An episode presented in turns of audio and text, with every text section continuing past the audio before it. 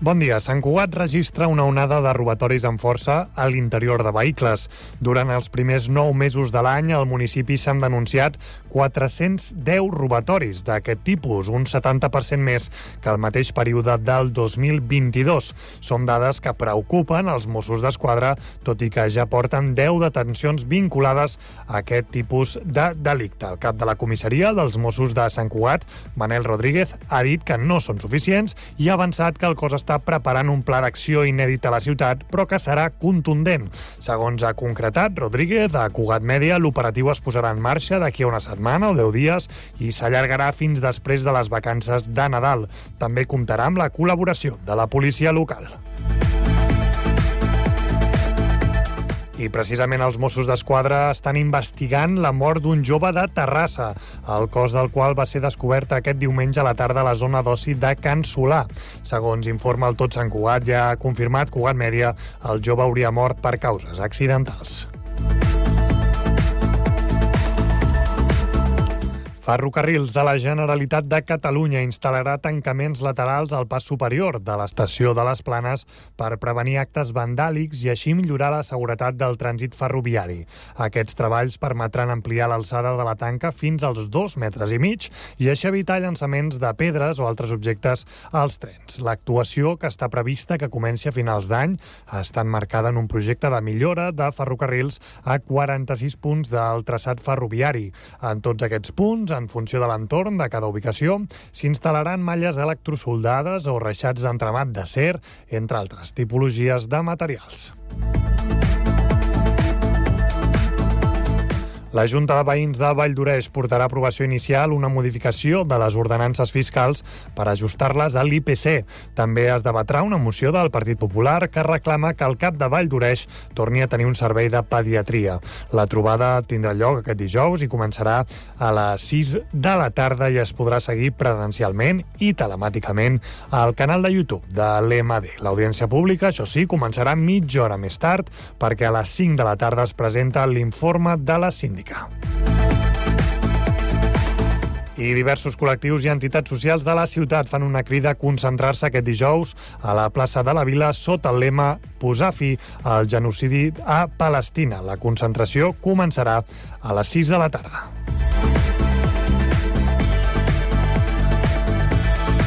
Cugat Mèdia, la informació de referència a Sant Cugat.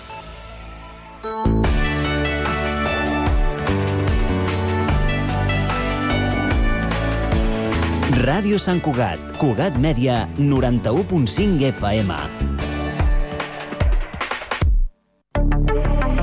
Infopodcast. Ràdio Sant Cugat, Cugat Mèdia. La informació s'ha de contrastar. Això els periodistes ho saben molt bé. Abans de publicar una cosa, abans de donar-la a conèixer, la informació s'ha de contrastar. És molt important, però ara la contrastarem, punt per punt. És l'alcalde Josep Maria Vallès a l'últim ple s'adreça a una associació a la qual retreu falsedats i els recomana contrastar la informació. L'alcalde, de fer de periodista, en sap. Primer a Ràdio Sant Cugat i després al Tot Sant Cugat. 25 anys de periodisme local i un bon dia fa el salt a la política. I ja tenim titular. Era a principis de 2019. Vallès s'emmiralla en la llibreta de l'alcalde Recoder i en els consells del president periodista Puigdemont. I potser en Bernils, perquè l'important és repreguntar però l'ofici de repreguntar el ple no li genera Vallès gaire titulars. Li calia esperar uns anys per ser notícia amb majúscules. El regidor periodista anuncia que vol ser alcalde. He volgut parlar amb els, alguns representants dels diferents sectors de la ciutat d'alguna manera per poder avalar doncs, aquest pas que, que acabo de fer i un cop doncs, he avaluat tot el que jo crec que havia d'avaluar, doncs he decidit doncs, que confirmar la notícia. De fet, ja hi havia una certa rumorologia. Confirmar la notícia. El Vallès Regidor manté intacte l'ADN periodístic i crea una agenda setting amb un serial en què veiem una exalcaldessa destronada, un rival de partit en unes primàries d'infart i un exvicepresident del govern que apareix in extremis per alegria i recel d'alguns. I des d'aquell 28 d'octubre de 2021 en què Vallès anuncia que vol concórrer a les eleccions, passen 600 dies i el periodista s'alça amb la vara d'alcalde. S'inicia un mandat en què el periodisme de proximitat de Josep Maria es trasllada a la feina d'alcalde i això es nota en dues coses. Pas 1. Comunicació interna. El primer acte de Vallès Alcalde és amb els treballadors de l'Ajuntament. Cal motivar els membres d'una gran redacció. Jo vull aplicar una mica la premsa de proximitat de la política local. No? Jo per fer qualsevol reportatge, qualsevol, qualsevol notícia, anava al lloc dels fets, parlava amb les persones doncs, que havien protagonitzat aquell fet, contrastava la informació, elaborava el reportatge. Jo això és el que vull fer en política local. Però això també ho vull fer a dintre la casa. Pas 2. Comunicació externa. Vallès crea el servei municipal L'Alcalde t'escolta. Cal motivar una audiència de 95.000 habitants. D'això no tenim declaracions perquè no ens van deixar gravar. Però tornem a l'últim ple, el mateix on, al principi d'aquest podcast, l'alcalde emplaça una entitat a contrastar la informació. El mateix ple on, a una pregunta de l'oposició, Vallès diu No hi ha res decidit al 100%. Això és una informació periodística, d'acord? Que no vol dir que sigui la realitat, ni molt menys. La realitat és polièdrica, però si els fets estan contrastats, parlem de rigor i veracitat.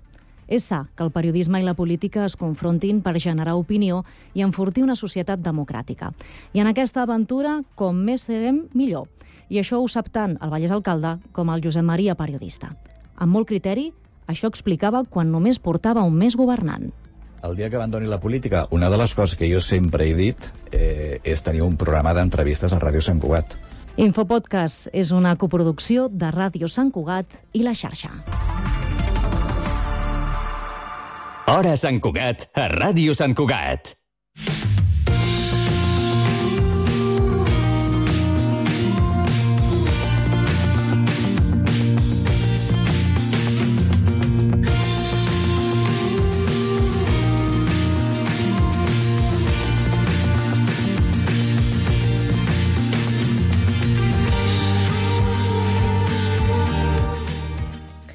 L'abús, però sobretot l'abús de les pantalles que fan infants i adolescents fins al punt d'enganxar-se és una realitat que cada cop preocupa també més als professionals de la pediatria.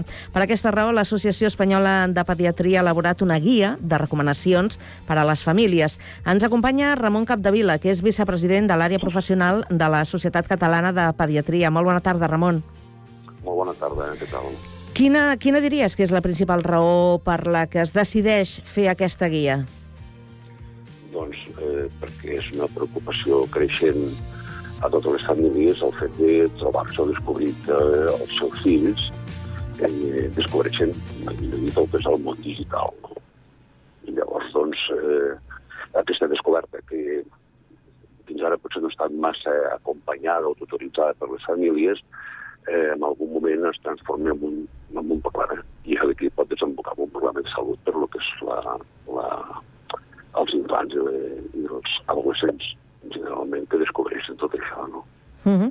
Aquesta guia, de fet, és, un, uh, és, és una elaboració recent, podríem dir. No sé si s'ha començat a distribuir i si s'ha fet, de quina manera s'està fent arribar a les famílies. Aquesta, aquesta guia o aquest pla digital està fet per l'Espanyola de Pediatria eh, se'n fa difusió sobretot a través de xarxes, a través d'internet i a través de tots els mitjans de comunicació de l'Espanyola de Pediatria. Eh, és, un, és una, un, un ajut, un, un recurs que tenen les famílies, tenen una plana web específica dedicada a això, i aquí el que aporten són informació de què vol dir el món digital, que són tots els xins digitals, els mòbils, els tablets, els jocs, i expliquen amb evidència científica quines repercussions poden tenir el seu ús o el seu abús, per dir d'alguna manera. I llavors està bastant ben estructurat en quant a que hi ha informació per les famílies, pels professionals de pediatria, i pots elaborar el que ells diuen, el que ja anomenen un pla digital per la família, on pots tu marcar certs ítems, no? temps d'ús, eh, que podrem mirar, a les nits deixarem apagat el mòbil, tota una sèrie de coses que consensues tot el nucli familiar per crear el teu pla digital. Això es pot descarregar i és una eina útil per dir, eh, recordem que vam quedar que faríem això, això i això, no? És a dir, que des de la, des de la mateixa consulta els professionals eh, treballeu conjuntament eh, aquesta situació amb les famílies i l'adapteu com si fos una petició a la carta, no?, sobre la situació real de, de cadascú. Correcte, sí. No, no és tant que eh, el, el treballem en aquell moment, però sí que donem aquest recurs perquè les famílies puguin veure què expliquen amb aquest, amb aquest, eh, amb aquest web, no? i entenguin la necessitat de crear-se un pla digital, no? Igual que a casa, per, eh, m'atreveixo a dir, eh, programarem uns menús o programarem quin tipus d'alimentació farem, també es pot fer amb el que es va descobert del món digital, què, què estic disposat a fer, què puc aportar al meu fill o a la meva filla a l'hora que s'enfronti amb un, doncs, amb un vídeo al YouTube o amb un reel a l'Instagram, no? Perquè m'imagino que eh, és precisament a la consulta, quan venen a, a fer la visita, que, que manifesten directament aquesta preocupació per aquest tema? Sí, i si no la manifesten nosaltres la traiem el tema, no? perquè és, és, és, és realment important, eh, ja que està demostrat que un abús o un consum excessiu o un consum no controlat de, de tal quantitat d'informació a la que pots accedir amb una edat en la que no tens encara tota una sèrie de, de, de coneixements o de re, com te diria, o de, de referents a l'hora de seleccionar o d'esbrinar si allò que ja estàs visualitzat és correcte o no, això que pot condicionar problemes. I per tant, la consulta que ens preocupen de la salut global integral d'aquella família, eh, ens posem el tema, no? Eh, parlar una mica de tot el que és eh, internet, de lo que són les xarxes socials, la recomanació d'edats d'ús, els controls parentals, eh, fem pinzellades sobre situacions eh, greus com pot ser l'assetjament, el bullying, el ciberassetjament, el sexting, el grooming... O sigui, expliquem als pares, donem a informació als pares, sobretot de mm, termes, conceptes que potser havien sentit una mica però que no s'hi havien parat a pensar-ho concretament. I aquesta eina que es proposa en espanyol la pediatria ajuda els pares a que, amb tranquil·litat a casa, puguin repassar què és el que estan fent ells, com estan encarant ells la, l'acompanyament digital dels seus fills. No? Uh -huh. eh, observeu a través d'aquestes eh, consultes eh, que efectivament els pares disposen de, de la informació, tenen coneixement de tot això que ara explicaves, però que el principal problema se'l troben a l'hora d'aplicar-ho, és a dir, de passar a la pràctica? En part sí. Hi ha molts pares que desconeixen totalment això, o potser només un dels progenitors. Diu, sí, sí, això se n'encarrega el pare, o no, d'això se n'encarrega la mare i sap com funciona, i jo és que no tinc ni xarxes i no, no m'interessa massa. Però els fem veure aquesta necessitat de, de l'acompanyament, no? Eh, no? No té sentit que eh, perquè toque, per edat, perquè estem al primer de l'ESO, ja tenim 12 anys, eh, tothom té el mòbil, jo també ho faig per el mòbil al meu fill o filla, sense haver pensat què implica això, no? Eh, igual que, fiquem l'exemple anterior, no? L'alimentació no... Mm, em, em preguntaré o, o em, em qüestionaré si el dinar o l'esmorzar o el berenar és saludable o no, doncs en aquest sentit també hauria de plantejar-m'ho si ho és en la descoberta digital del meu fill o filla tindrà. Mm. Estem parlant de, de menors d'edat, de, infants, sí. adolescents, que disposen d'algun dispositiu en pantalla i, i ho fan cada vegada a edats més primerenques. Sí. Eh, segurament eh, és aquest el primer error que, que cometem els pares quan cedim massa aviat? Mm, mm, bueno, amb, amb, amb molts altres parlen de que potser, evidentment, la tecnologia no és per ser una cosa dolenta, sinó és el fet de com hi entro, com hi accedeixo, i amb quina intenció mm. ho faig, no? I llavors, eh, potser eh, és un nen o una nena, un fill o una filla que mm, estan, si són molt conscients o, o, o, o tenen un bon vincle amb la família i, per tant, són capaços de entrar a tot aquest entorn digital amb un acompanyament i després hi ha altres entorns amb els que senzillament se'ls facilita un mitjà digital i eh, ja t'espavilaràs per entendre's, no? Llavors no depèn tant de l'edat, sinó de lo que és el, nucli familiar, de com de com en, eh, mantenim aquesta relació, no? Si eh, a l'hora de sopar sopem tots junts, si no hi ha mai pantalles perquè ens puguin distreure, si fem activitats, sortim al carrer, fem bicicleta, ens movem, si ja tenim una dinàmica familiar, potser serà més fàcil. Si aquesta dinàmica és pares amb horaris difícils de, de, de compaginar amb la criança, eh, el que són els mitjans mòbils o les pantalles d'aquestes mainadera que en tenim ficat un rato aquí a mentre acabo de fer una cosa i que, i que l'acompanyament sempre que no és l'òptim, no? Però és important no tant l'edat amb la que comenci, sinó eh, tot, tot, el, tot el, el que envolta això. No? Mm -hmm. I important també, ara que parlàvem dels pares i de les situacions, podríem dir, familiars de, de cadascú, educar a través de, de l'exemple, és a dir, el comportament dels adults eh, també hauria de ser o servir per facilitar aquesta, aquesta tasca, no? Correcte, correcte, clar. És, és, I sobretot els primers eh, anys de vida, no?, que a la, la qual els progenitors són, un, són un, eh, una font d'informació importantíssima per a tots els petitets, no? Eh, amb el, allò que fem serà allò que entendran els nostres fills com que és el normal, allò que és correcte, no? Eh, si hi ha un habitabat, si hi ha un consum de, de pantalles a tot moment, si hi ha un, un pèrdua d'atenció perquè estem parlant amb el fill però ens fan una trucada, ens fan uns SMS, ens fan un WhatsApp i constantment doncs, entendrem que això és lo normal. I per tant l'exemple dels pares és bàsic aquí. I aquest potser és un dels primers punts que es comenta el que és el pla digital, eh? Que és mm. el fet de que eh, l'exemple és, és bàsic, no? O sigui, signem un pla digital no perquè els nostres fills facin això, sinó perquè tota la família ens comprometrem a fer això. Clar. Eh, podem repassar, eh, ni que sigui ràpidament, de quina manera impacta aquesta tecnologia en la salut dels menors quan es produeix aquest abús? Perquè l'impacte és a nivell físic, també psicològic, però, evidentment, i ho estem veient, eh, mental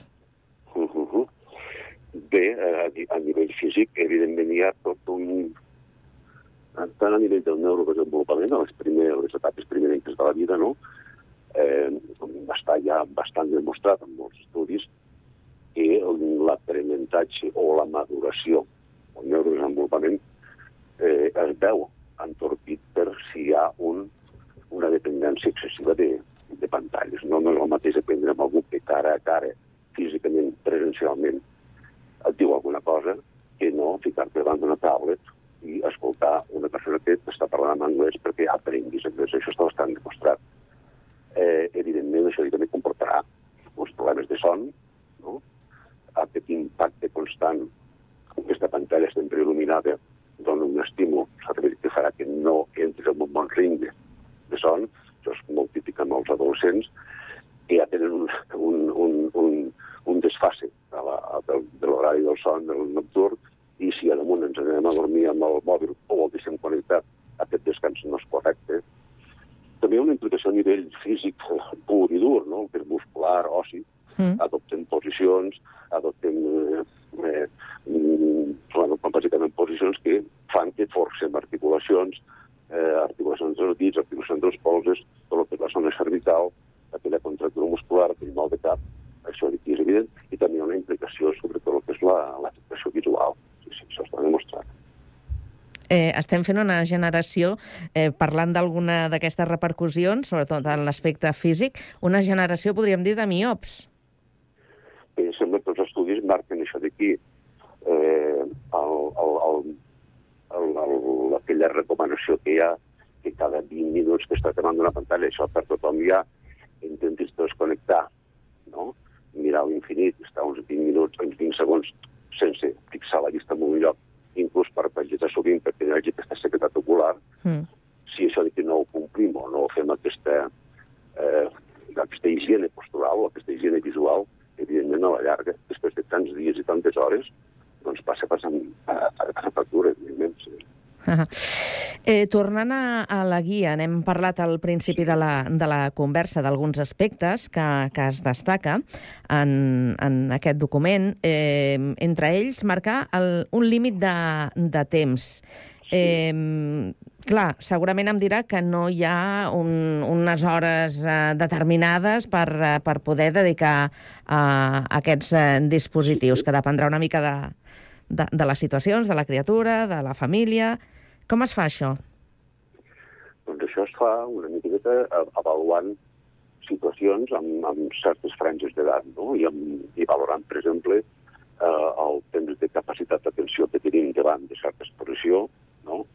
eh, el temps, eh, perdó, el, el que seria l'adquisició de coneixements, i s'ha vist clarament que quan passem més de certs minuts o certes hores davant de eh, una pantalla, una pantalla volem dir televisió, volem dir tablet, volem dir el mòbil, volem dir la, o, o la instal·lació de, de joc, la Play la, la Nintendo, per entendre'ns, Tot això d'aquí hi ha diferències estadísticament significatives entre grups que passen menys hores i grups que passen més hores. No? Això és difícil a vegades de fer, extrapolar-ho cap a les edats més petites, i com que no hi ha una evidència clara, però veient com afecta les edats més grans, esperem sempre el principi de precaució de dir 0,2, 0,3 anys, no hi hauria d'haver-hi pantalles. La pantalla serà molt puntual, no? que és la típica trucada familiar perquè veiem els, la família, però no perquè el tinguem entretingut al nen o la nena, el lactant al bebè, no? Estos cotxes que porten el, el suport per enganxar la pantalla perquè estem entretinguts, que estem fent un, un, no sé, un aperitiu, un refrigeri, això no té cap sentit, no? no. Mm -hmm. I respecte de les zones de... lliures de pantalles, és a dir, eh, en el domicili i fora del domicili, establir quines són eh, aquelles, eh, aquelles zones on doncs, eh, no hauríem de, de tenir les pantalles. Per exemple, a casa, quina zona, quina zona recomanen que s'estableixi com, a, com una zona lliure de pantalles? Lliure de pantalles eh, doncs, tots aquells espais en els que siguin eh, de comunitaris i que en aquell moment es faci una, una activitat comunitària, el que siguin els àpats. Importantíssim que en aquell moment no hi hagi cap pantalla que interrompi o que interfereixi el que és el diàleg, no? a l'explicar què has fet avui, què ha passat avui, com t'ha anat, com et trobes, què, què tal està el dinar, com, com han fet, com l'han cuinat, no? eh, aquest entorn, que no està en un, un espai concret, sinó que en, en aquests moments no hi hauria de pantalles i l'altre molt important, evidentment, és l'espai de dormir, l'habitació de dormir, que aquí hi hauria d'haver-hi una, una limitació total de la pantalla per afavorir que quan són inclús durant la prim, una hora i mitja, dues hores abans d'anar a dormir, no hi, havia, no hi hauria d'haver hagut una exposició a pantalles, perquè això que retarda molt el que és l'entrada d'una fase bona de somni. Correcte. Mm. I una altra de les qüestions, eh, recomaneu revisar els continguts periòdicament. Això aquí podem entrar en conflictes, no?, segons l'edat de, de, del fill o la filla. De l'usuari, correcte. Uh -huh. sí. Bé, revisar els continguts vol dir fiscalitzar, clar, és una paraula com a bastant dura i lletja, uh -huh. però tot depèn del que tu hagis acordat amb aquest pla digital. O no cal que facis un pla digital si, si encara és aquesta descobert del món, del món digital com una oportunitat per encara eh, més, íntim amb el teu fill o filla, i llavors eh, potser no tindràs la necessitat de fer aquesta fiscalització. És senzillament un interès que estàs mirant, que veus qui és aquest cantant, per què segueixes amb aquesta gent, aquest, aquest influencer, què vol dir influencer? O sigui, el fet de crear aquest diàleg pares-fills afavorirà que potser el teu fill o la teva filla espontàniament et digui, mira, mira ara, o aquesta sèrie de Netflix m'ha agradat, o l'han comentat a classe, et sembla que la podríem veure? A mi també m'interessaria veure que la puc veure amb tu. O sigui, crear aquest clima de realment confiança, no? Si ens dediquem des del primer dia, bueno, tens el mòbil, però que sàpigues que hem instal·lat un control parental, i de tal hora a tal hora no, i quan s'acabarà no vinguis a dir... Mm, no, són maneres de fer-ho. Evidentment, la manera millor seria aquesta d'intentar eh, entendre que disposin d'una eina que l'han de saber utilitzar, igual que tenim una bicicleta i ens ficarem un casc, o si fem un esport que s'arrisca ens ficarem certes proteccions, o si tenim el cotxe ens ficarem el cinturó de seguretat, si naveguem, si hem d'anar al mòbil, hem d'entendre que tot allò que ens pot aparèixer allà té una repercussió i, per tant, els pares són la nostra principal font de protecció, no? Doncs eh, Ramon Capdevila, vicepresident de l'àrea professional de la Societat Catalana de Pediatria. Esperem en sortir-nos i, si més no, doncs millorar aquesta situació. Moltíssimes gràcies per passar aquesta tarda pel Connectats. Moltíssimes gràcies a vosaltres. I m'agradaria, si us puc dir una última cosa, sí? justament des de la Societat Catalana de Pediatria, el dia 25 de novembre mm. d'aquest any, tot el matí de 9 a 2 fem una jornada que en diem multidisciplinar, que fem cada any una, i aquest any la dediquem justament a la salut digital en pediatria. És una jornada oberta a tothom, d'aquí poc ens sortirà la, la, la publicitat, en farem difusió, jo crec que per tothom que vulgui vindre és un, una taula rodona en la qual s'abordaran tots aquests temes que hem estat parlant ara. On la fareu? Aquí a, la, a Barcelona, a l'Acadèmia de Ciències Mèdiques, aquí a la Can Caralleu, i mm -hmm. és el dissabte, dia 25 de. Molt bé, doncs eh, agraïts eh, per haver atès eh, la nostra trucada i haver participat avui al programa. Que vagi molt bé, bona tarda. Bona tarda, adéu, gràcies.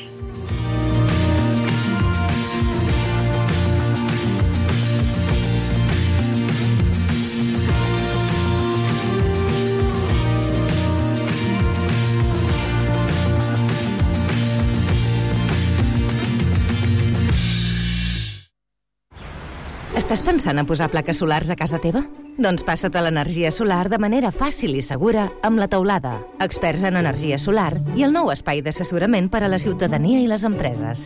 Informa't a la teulada arroba amb.cat o contacta'ns per WhatsApp al 645 725 465. La teulada és un servei de l'AMB finançat amb el Fons Europeu de Desenvolupament Regional.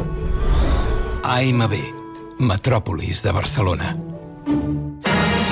Molta comèdia, el programa de les arts escèniques de Sant Cugat i de Sant Cugat. Aquell que us parla, Eduard Gené, explicarà amb l'ajuda dels artistes protagonistes tot allò que representa i es cou a Sant Cugat de teatre, de dansa, de música, de màgia o de circ. Cada dijous, a les 12 del migdia i reemissió a les 8 del vespre i, com sempre, pots escoltar el programa quan vulguis amb el podcast a través de Cugat.cat.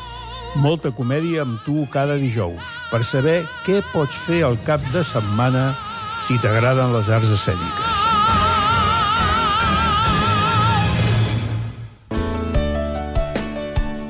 Ràdio Sant Cugat www.cugat.cat Hora Sant Cugat a Ràdio Sant Cugat.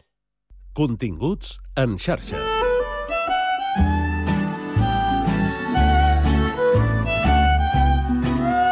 Del 25 d'octubre al 5 de novembre, l'Asian Film Festival Barcelona celebra la seva onzena edició.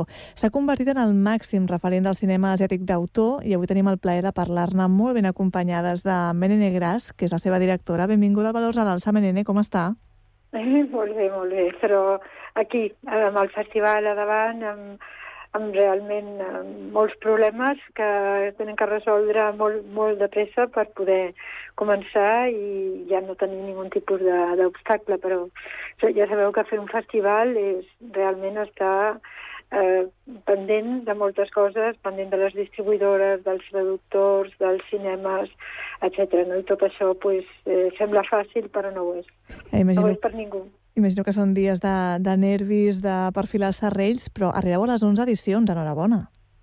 Sí, però a vegades ens sembla que són moltes més, no? Perquè el que, el que passem a cada, cada cop, vull dir, són mesos i mesos de, de treball que molts cops hem que contemporitzar amb, amb altres activitats, i no solament per això, vull dir que encara que fossin eh, tres vegades més eh, les persones que estiguessin dedicades a això, els problemes serien els mateixos, eh? perquè no depenen únicament de nosaltres, sinó que depenen també, eh, com deia, pues, d'altres factors i altres persones i altres empreses que estan al voltant i que bueno, pues, tenen els seus temps i nosaltres tenim altres temps, no? És a dir, que ens agradaria que tot anessi molt seguit, que la seqüència fos sempre la mateixa, però això no, no es produeix.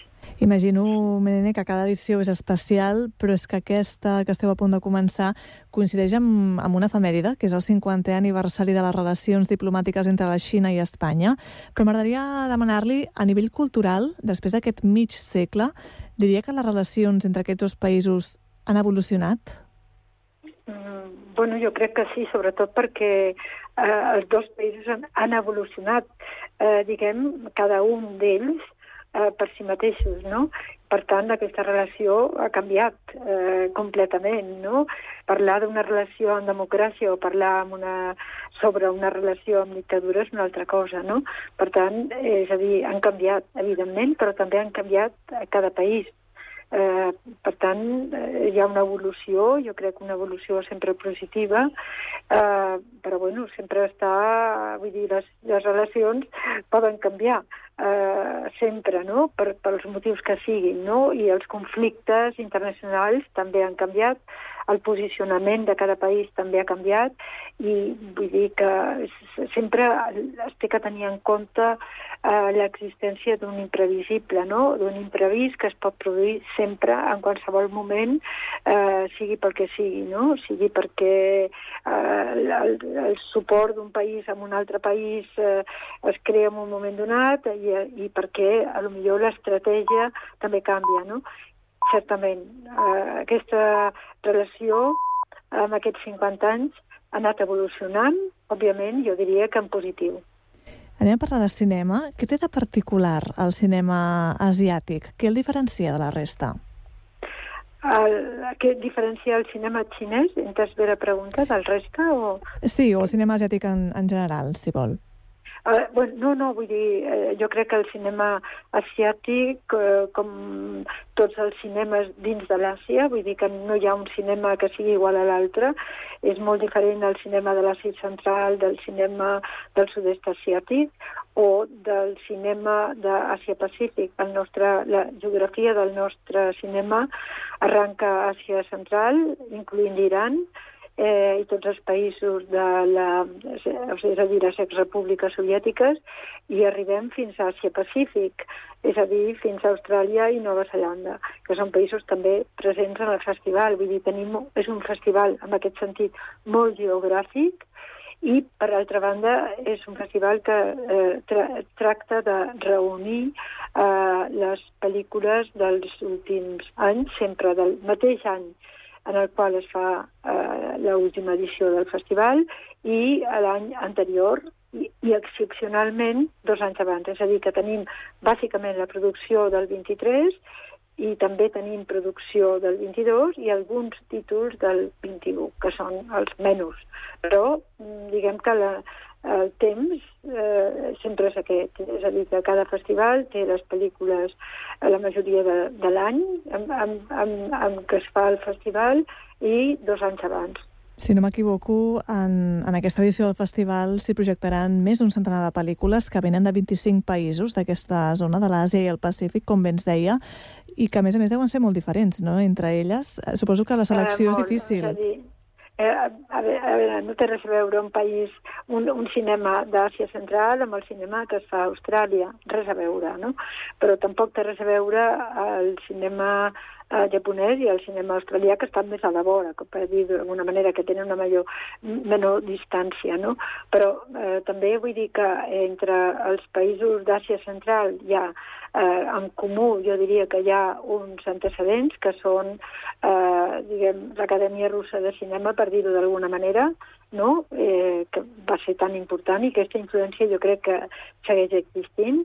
En el cas iraní, vull dir, també és un, un cinema molt definit, sobretot per les escoles de cinema eh, i també per la, diguem, la formació la formació dels cineastes, que és una formació, jo diria, molt interessant, mm, perquè comença en el teatre, i, i per tant jo crec que vull dir, la força dels guions en, la, en el cinema iraní es deu a això i sobretot també el fet de que l'arquitectura la, de, de les pel·lícules eh, sol ser molt eh, estructurada i jo crec que té un, es defineix molt especialment, és a dir, que no hi ha ninguna... Ja, ja, si tingués que explicar com són les narratives no? del cinema iranià, pues, jo diria eh, o tractaria d'unificar-les no? eh, en relació a elles mateixes, però també en relació amb, la, amb les narratives d'altres països com la Xina, que aquest any tenim més de 12 pel·lícules, tenim 14, 12 llargmetratges i un curtmetratge. Inaugurem el festival amb una pel·lícula xinesa, sis Confusion, d'una directora eh, xinesa, Lu Jiu, Lu Jiu, eh, que mm, presenta el seu primer llargmetratge que farà el debut aquí, i aquesta serà la premier eh, fora de Xina, serà la premier que ja tindrà el món, aquí a Barcelona, el dia 25. Doncs anotem bé aquesta data, 25 d'octubre, ara que parlava de la Xina, precisament en aquesta edició fan una retrospectiva al director xinès Wang Chao, em sembla. Ja, ja, és una retrospectiva perquè bueno, considerem que és un gran director, poc reconegut eh, a la Xina i fora de Xina. És a dir, que mm, jo crec que era una oportunitat. L'any passat vam eh, presentar la pel·lícula A Woman, que va ser un èxit de públic i que el públic va considerar que era una gran pel·lícula, jo personalment també ho crec, i bueno, ens vam proposar pues, investigar el que havia fet i deixat de fer, i vam eh, pensar que era molt interessant bueno, pues, eh, intentar fer una retrospectiva del seu treball, el qual no ha sigut fàcil perquè ell només parla anglès, ai, només parla xinès, perdó, I, eh, bueno, pues, ha sigut una mica complicat també perquè algunes de les seves pel·lícules són um, molt experimentals, sobretot les primeres, fetes amb pocs recursos, eh, però jo crec que és un gran director i que val la pena que la gent també vagi a la filmoteca per veure-les o que pugui veure-les a Filmin o les pugui veure al Cinema Girona, no? A la Filmoteca eh, tenim tres sessions i són les tres primeres pel·lícules d'aquest director. Per tant, jo recomano sobretot eh, pues, eh, tractar de, de, de veure'l i bueno, jo crec que, que és interessant que també eh, podem eh, destacar mm, i recuperar a un director que, bueno, que s'ho mereix. Doncs queda clar el missatge, només falta que els nostres oients encerclin en vermell a les seves agendes del 25 d'octubre al 5 de novembre, que és quan podran gaudir de l'onzena edició de l'Asian Film Festival. N'hem pogut parlar amb la seva directora, Merene Gras, un plaer, moltíssimes gràcies per atendre'ns. No, no, gràcies molt. a tu. Gràcies a vosaltres. Gràcies. Una abraçada. No és el mateix ser els integrants del millor grup de la història que ser el millor grup de la història. Per això, el grup català Occident serem Occident, perquè per continuar assegurant-ho tot, tot i tot, ens havíem d'ajuntar tots, tots i tots. Entra a seremoccident.cat. Cugat Mèdia ofereix un servei per rebre l'actualitat més destacada de Sant Cugat a través del WhatsApp. Què rebràs? Les notícies més importants, els avisos d'última hora o les incidències de la teva ciutat. La informació més propera al teu mòbil. Com et pots subscriure al canal de WhatsApp? Envia un missatge de WhatsApp que digui alta al 673 172 075 i segueix les instruccions de subscripció. L'actualitat més propera al 673 172 075.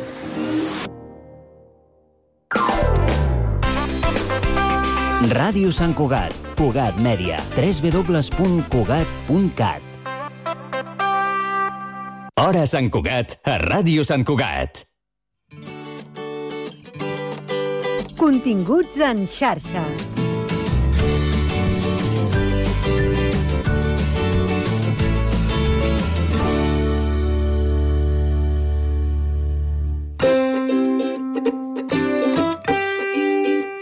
L'alimentació no és només una qüestió de pes. Menja't la vida amb My Nutritionist, Naila Martínez. Laila Martínez, My Nutritionist, benvinguda una setmana més a Menja't la vida. Com estàs? Com va tot plegat? Moltes gràcies, Piri. Doncs molt bé, amb molta feina. Amb molta feina i a més... això no sé, és bo. És bo, sí. Després eh, ens explicaràs coses de feina. Uh, sí. Però avui volíem parlar, doncs, això, que aquesta setmana s'està celebrant, de fet, el dia 16 d'octubre, el Dia Mundial de l'Alimentació, i uh -huh. parla amb una nutricionista, no?, doncs, eh, penso que és, és una bona cosa a fer. Què ens pots explicar d'aquest dia, Naila? Doncs aquest, aquest dia està organitzat per la FAO, que és l'Organització de les Nacions Unides per l'Alimentació i l'Agricultura, i aquest any porta per lema l'aigua és vida, l'aigua nodreix. A qui nodreix? A nosaltres, a les persones, als animals i a la natura hem de tenir en compte que l'aigua, encara que potser no el considerem un aliment, doncs ho és, ens nodreix, però a més a més ens ajuda a, a produir altres aliments que nosaltres mengem. És un recurs molt valiós, val? que és vital per a la vida, però hem de tenir en compte que és un bé escàs i que, a més a més, moltes persones no poden gaudir d'aquest bé, no? d'aquest recurs. Uh -huh. Llavors, eh, com us he dit, no, no només, o com t'he dit, Piri, no només la necessitem per beure, sinó també per menjar. Eh, què podem fer nosaltres eh, que realment no tenim aquest problema de... No, no, no tenim aquesta limitació de l'aigua, almenys aquí, no? Què podem fer nosaltres doncs, per conscienciar-nos i per mm, cuidar d'aquest bé que, que no és il·limitat? Doncs el primer és reduir el malbaratament alimentari.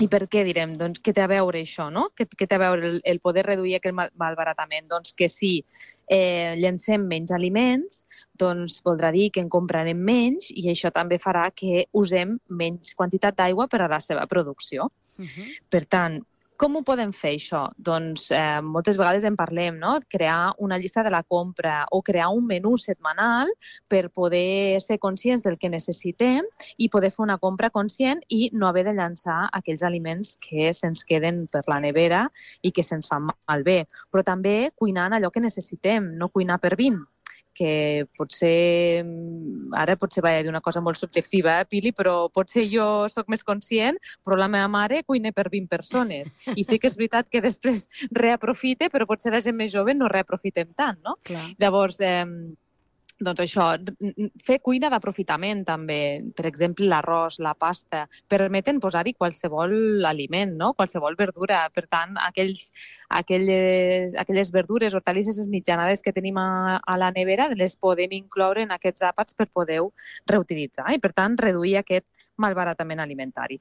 La segona, eh, la segona acció que nosaltres podem fer és augmentar el consum d'aliments d'origen vegetal, com per exemple els llegums i els cereals. I per què? Doncs perquè em direu, també s'utilitza aigua per, per poder eh, produir aquests, produ aquests aliments. Sí, se n'utilitza, però molt, molt menys o molta menys que per a la producció d'aquells aliments d'origen animal. Per tant, augmentar el consum de llegums i de cereals integrals doncs, pot afavorir també eh, el reduir aquest mal malbaratament d'aigua.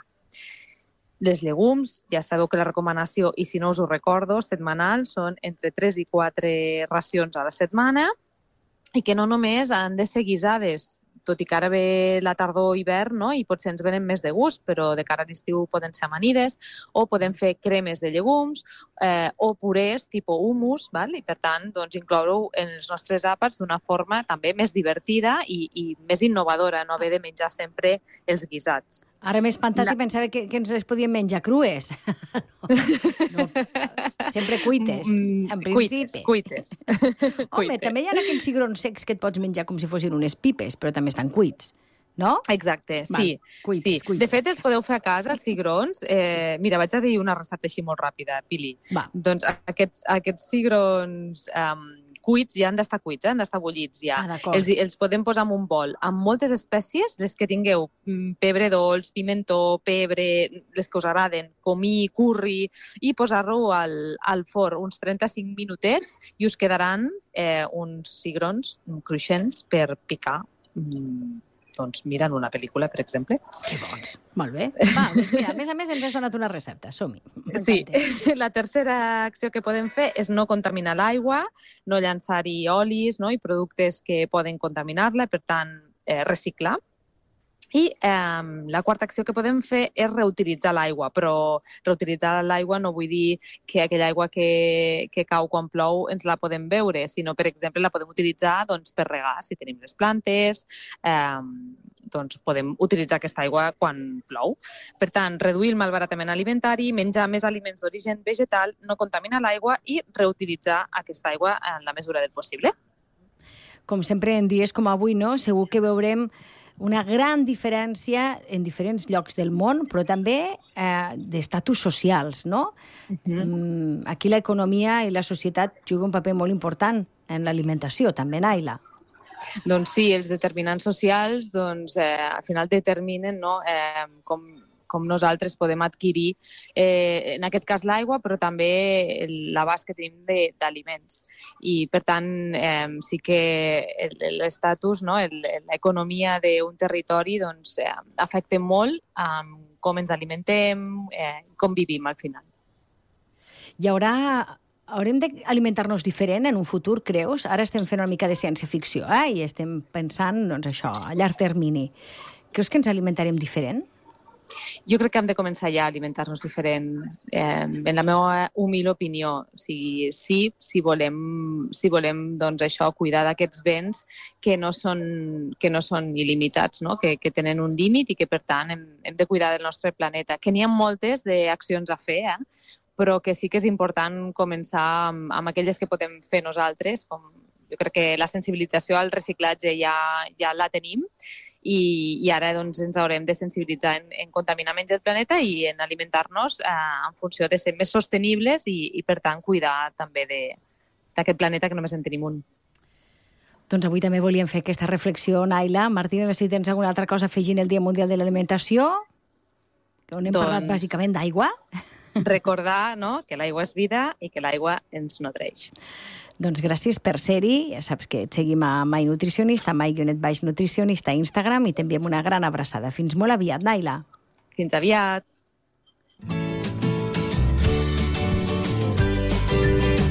Continguts en xarxa.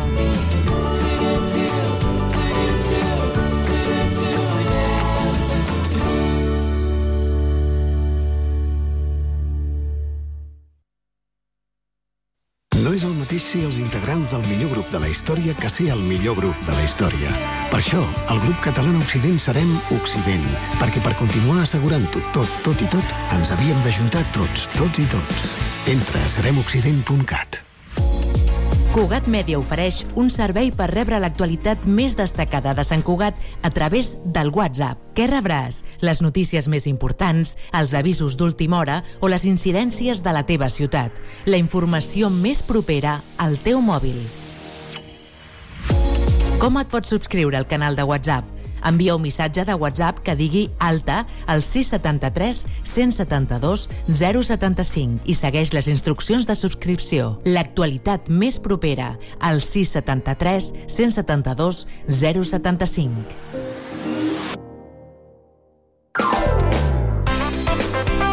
Ràdio Sant Cugat, Cugat Mèdia, www.cugat.cat.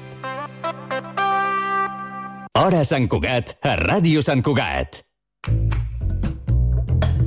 Nutrició amb Laura Crosses. El kiwi.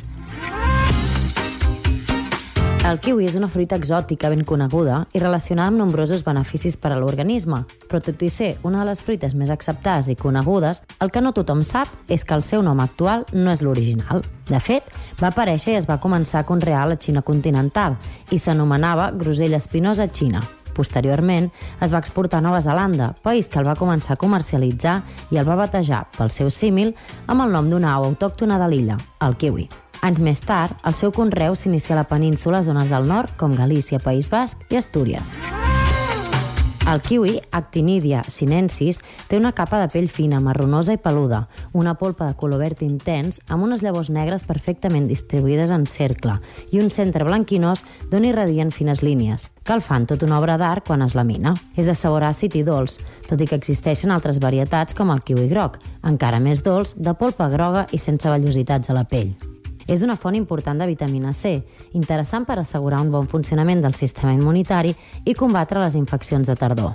També destaca el seu contingut en fibra, folats, carotenoids i minerals com el potassi, entre d'altres. Per tant, és recomanable com a fonts antioxidants en casos d'estrenyiment o problemes gastrointestinals per regular nivells de colesterol i per millorar la qualitat de la pell.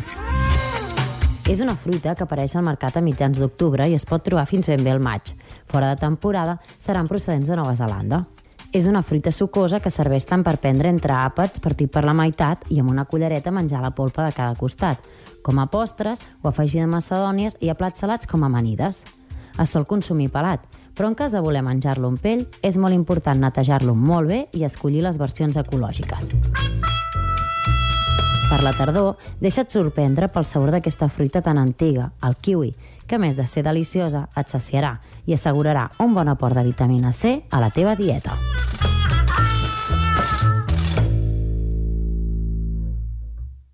Hora Sant Cugat, a Ràdio Sant Cugat.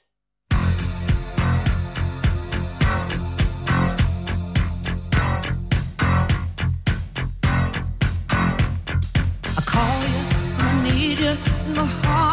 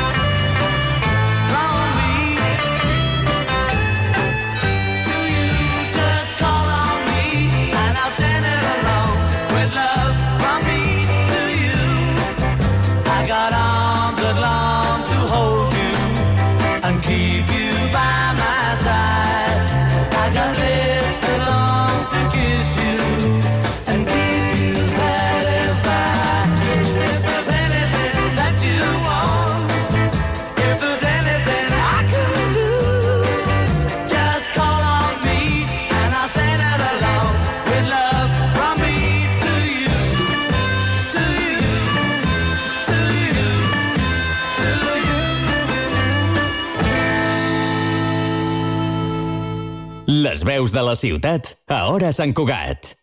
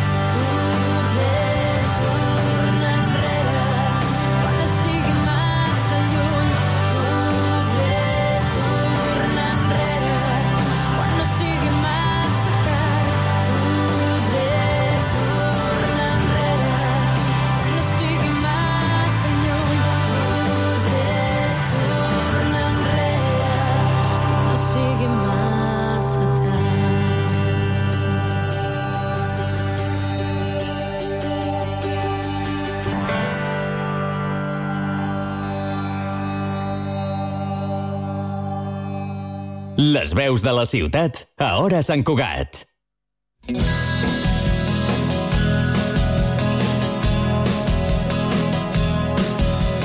Som dilluns de Pasqua i com cada any